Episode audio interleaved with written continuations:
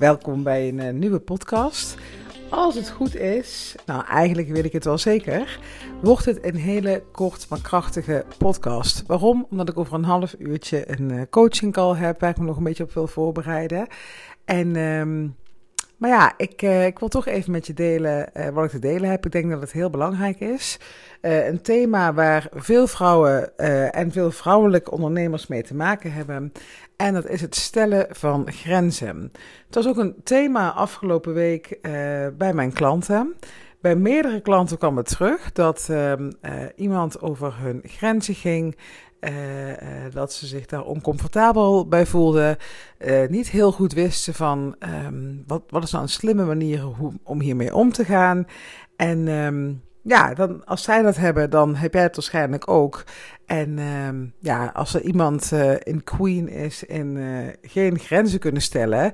Inmiddels is het godzijdank beter geworden. Anders dan, uh, dan was mijn leven echt niet meer zo aangenaam geweest. Als ik daar niet um, iets aan gedaan had. Maar ik was daar vroeger echt een ramp in. En um, wat ook interessant is, hè, van uh, waarom, maar waarom, waarom doen we dat nou niet, hè? grenzen stellen? Want uh, ik vind het dus zelf bijvoorbeeld heel fijn als iemand dat bij mij doet. Als iemand zegt van, hé, hey, uh, bijvoorbeeld een VA en die zegt van... Sandra, ik vind alles best, maar na vijf uur reageer ik niet meer op jouw appjes, bijvoorbeeld. Denk ik, oh fijn, dan, zij geeft een grens aan en uh, dan hoef ik niet bang te zijn dat ik over haar grenzen ga. Dan is dat heel duidelijk. Vind ik heerlijk. Um, of uh, een ander voorbeeld. Even denken. Um, oh ja, dat was misschien ook wel um, dat bijvoorbeeld. Dat is wel even het huis- en keuken uh, voorbeeldje. Andersom gezien dat gisteren bijvoorbeeld. heel erg leuk, vond ik zelf. Ik kwam thuis met de bakfiets. Twee kinderen in de bakfiets. En um, nou, ik weet gewoon als ze binnenkomen, dan zijn ze geneigd door het hele huis te gaan rennen, uh, willen ze de tuin in. Maar ik wil dat ze eerst een, een soort van regeltje bij ons thuis, dat ze eerst hun schoenen uitdoen, uh, een tasje ophangen en hun handen gaan wassen. En dan kan er weer, ja, dan kunnen we weer de orde van de dag. Dus wat deed ik? Ik stond bij de deur. Ik zei: Jongens, oké, we gaan zo naar binnen. Uh, jasjes uit, uh, tasjes uit, schoenen uit, handen wassen. En um, dan gaan we weer verder. En de postbode stond naast me en die zei: Nou, wat, wat ben je lekker bezig? ben je lekker aan het opvoeden? Ik dacht, ja, oh ja, dat, dat, dat is gewoon iets dat hebben we gewoon hier standaard ingevoerd. Maar uh, je, je zorgt daarmee wel dat ik, uh, die kinderen vinden dat ook prettig, hè. Dat ze het van tevoren weten, voordat we naar binnen gaan, van, oh ja, dit wordt er van me verwacht. Uh, dit moet ik doen. En dan kan ik gaan zitten en krijg een koekje of een kopje thee. Of, nou, een kopje thee krijg ik trouwens nooit. Dat is gewoon dat standaard kopje thee en koekje wat in mijn hoofd zit. die kinderen drinken nooit thee. Maar, nou, weet je, dan, dan gaan we daarna wel weer wat leuks doen. Maar eerst even dat doen. En dat is ook een uh, manier van grenzen stellen. Hè? Van dit gaan we doen en dan gaan we verder. En dat werkt voor die kinderen fijn, dat werkt voor mij fijn. Maar het werkt eigenlijk in een hele uh, samenleving werkt het gewoon fijn als iemand zegt van uh, wil je me zo en zo behandelen? tot hier is mijn grens en ik vind het niet fijn als je er overheen gaat. Hoe komt het dan dat we toch allemaal massaal uh, over elkaars grenzen heen gaan um, en dat we het niet uitspreken? Nou, laat ik voor mezelf spreken, maar ik denk dat het heel herkenbaar is. Uh, vaak word je als meisje of als vrouw toch opgevoed uh, en grootgebracht. Uh, niet eens alleen door je ouders, maar door de maatschappij. Met het idee van zeur maar niet. pas je maar aan. ben maar lekker flexibel. Um, vooral niet te moeilijk doen. Hè. Dat wordt allemaal uh, als, als goede karaktereigenschappen um, gevalideerd.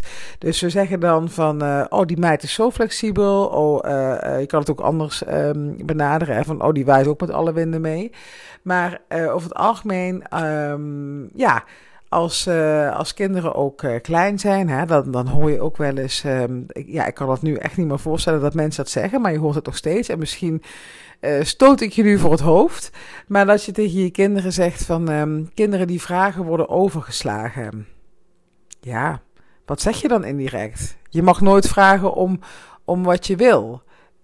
hou je mond maar. wat jij wil is niet belangrijk. Dat zeg je dan eigenlijk, hè?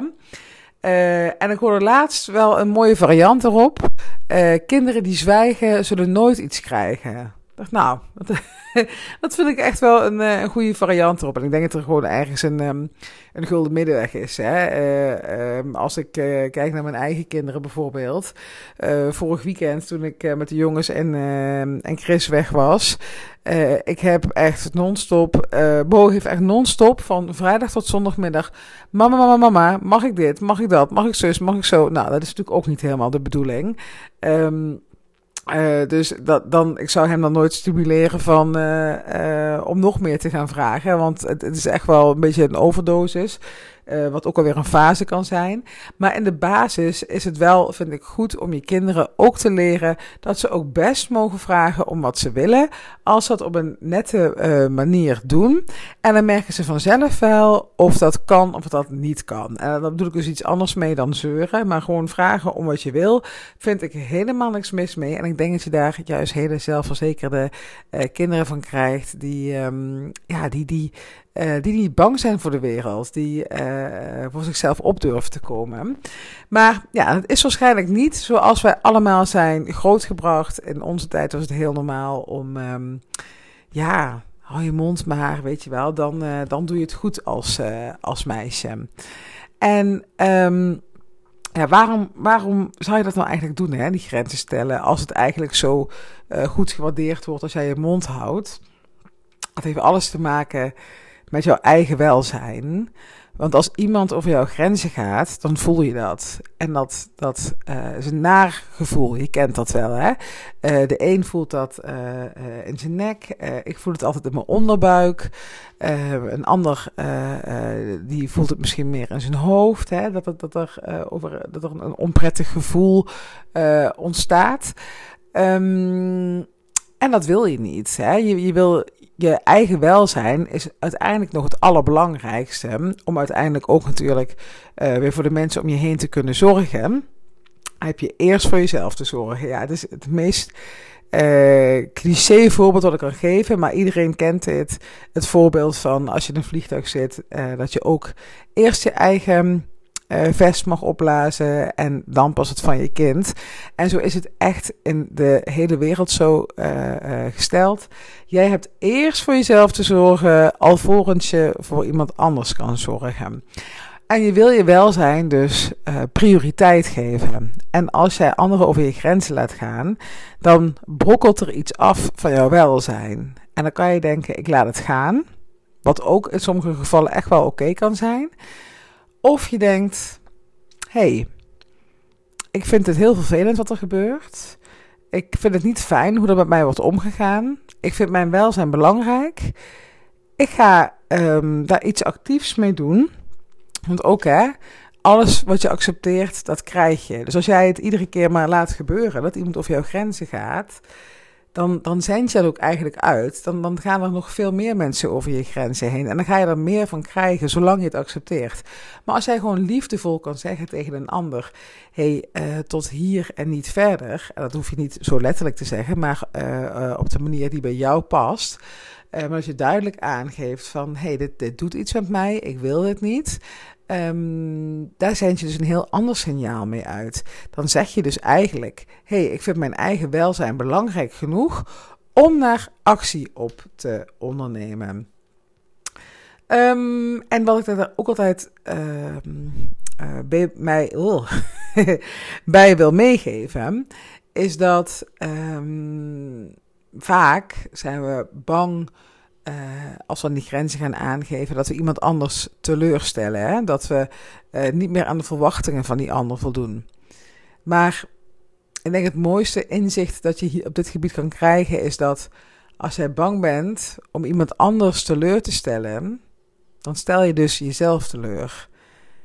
En dat is denk ik niet wat je wil. Als je ook weer denkt aan dat welzijn, Jij hebt gewoon goed voor jezelf te zorgen. Uh, als mens, als vrouw, maar al helemaal als ondernemer.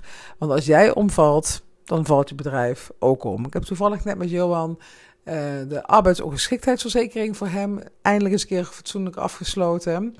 Ehm, en dan dat is ook eens een moment dat je erbij stilstaat van... hé, hey, als ik uitval, ja, dan uh, valt het hele bedrijf in feite om. Hè? Uh, als je nog een team onder je hebt, uh, dat soort dingen. Maar die, dan, dan kan het best nog een tijdje doorlopen. Maar het zal te lijden hebben onder jouw arbeidsongeschiktheid. Dus je wilt aan alle tijden voorkomen dat jij in een burn-out raakt of dat je je niet goed voelt. want als jij je goed voelt, dan gaat de boel stromen en um, ja, dan, um, dan ik, ondertussen, ik blijf, ik blijf een beetje hangen in mijn zin. Want ik besef me net dat ik, ik wil even iets opschrijven. Een vriend van mij vroeg laatst van, uh, wat is het percentage uh, burn-outs onder ondernemers eigenlijk? En dat ben ik vergeten op te zoeken. Ik schrijf dat nu even voor mezelf op. Want dat vind ik zelf heel interessant om, um, om uh, te onderzoeken of er misschien uh, onderzoek naar gedaan is. Maar um, nou goed, uh, um, los is van die burn-out. Je wil gewoon zorgen dat je je goed voelt. Als je goed voelt, dan gaat de boel stromen. En dan kan jouw business ook naar het volgende level groeien. En ik denk dat um, het heel belangrijk is dat als je dus zo'n grens aangeeft. En je wil dat niet heel lomp doen of heel uh, defensief. Hè, dat je echt die verdedigingsmodus gaat of in de slachtoffermodus gaat. Ik denk dat het allermakkelijkste is en ook het meest fijn voor die ander. Als je aangeeft waarom datgene belangrijk voor je is. Als je aangeeft waarom je het vervelend vindt dat die ander op een bepaalde manier reageert. Dus dat je niet gaat zeggen van jij doet dit en dit en dat vind ik vervelend. Maar dat je juist zegt van nou, ik vind dit uh, uh, thema vind ik zo belangrijk om die en die reden. En ik merk bij mezelf dat door um, de reactie die ik jou krijg, dat ik daardoor uh, getriggerd raak of wat dan ook. Hè. Maar je het echt bij jezelf houdt, want die ander heeft waarschijnlijk niet eens door dat hij over jouw grenzen gaat. Maar dat jij zelf aangeeft waarom het voor jou belangrijk is en hoe je het anders zou willen zien. Nou, dit uh, is de kortste podcast, denk ik, die ik uh, in uh, bijna 200 afleveringen heb opgenomen. Maar ik denk heel um, kort, kernachtig en ik hoop waardevol voor je. En je weet het, hè, als die waardevol voor je was, laat alsjeblieft die 5 sterren op Spotify achter. En uh, stuur mij een screenshot, dan doe je mee met de winactie. Tromgroffel, tromgroffel. Ik heb nog steeds niet verteld wat je kan winnen. Maar uh, als jij een bedrijf wil starten, uh, of als je freelancer bent en je wil een eigen aanbod in de markt gaan zetten, of je bent ondernemer, maar maximaal twee jaar aan de slag, dan is het super waardevol voor je en um, kan ik je ontzettend goed um, hierbij helpen. Dus Um, ja, stuur dat screenshot, laat die vijf sterren achter. En uh, dan spreek ik je snel weer bij de volgende podcast.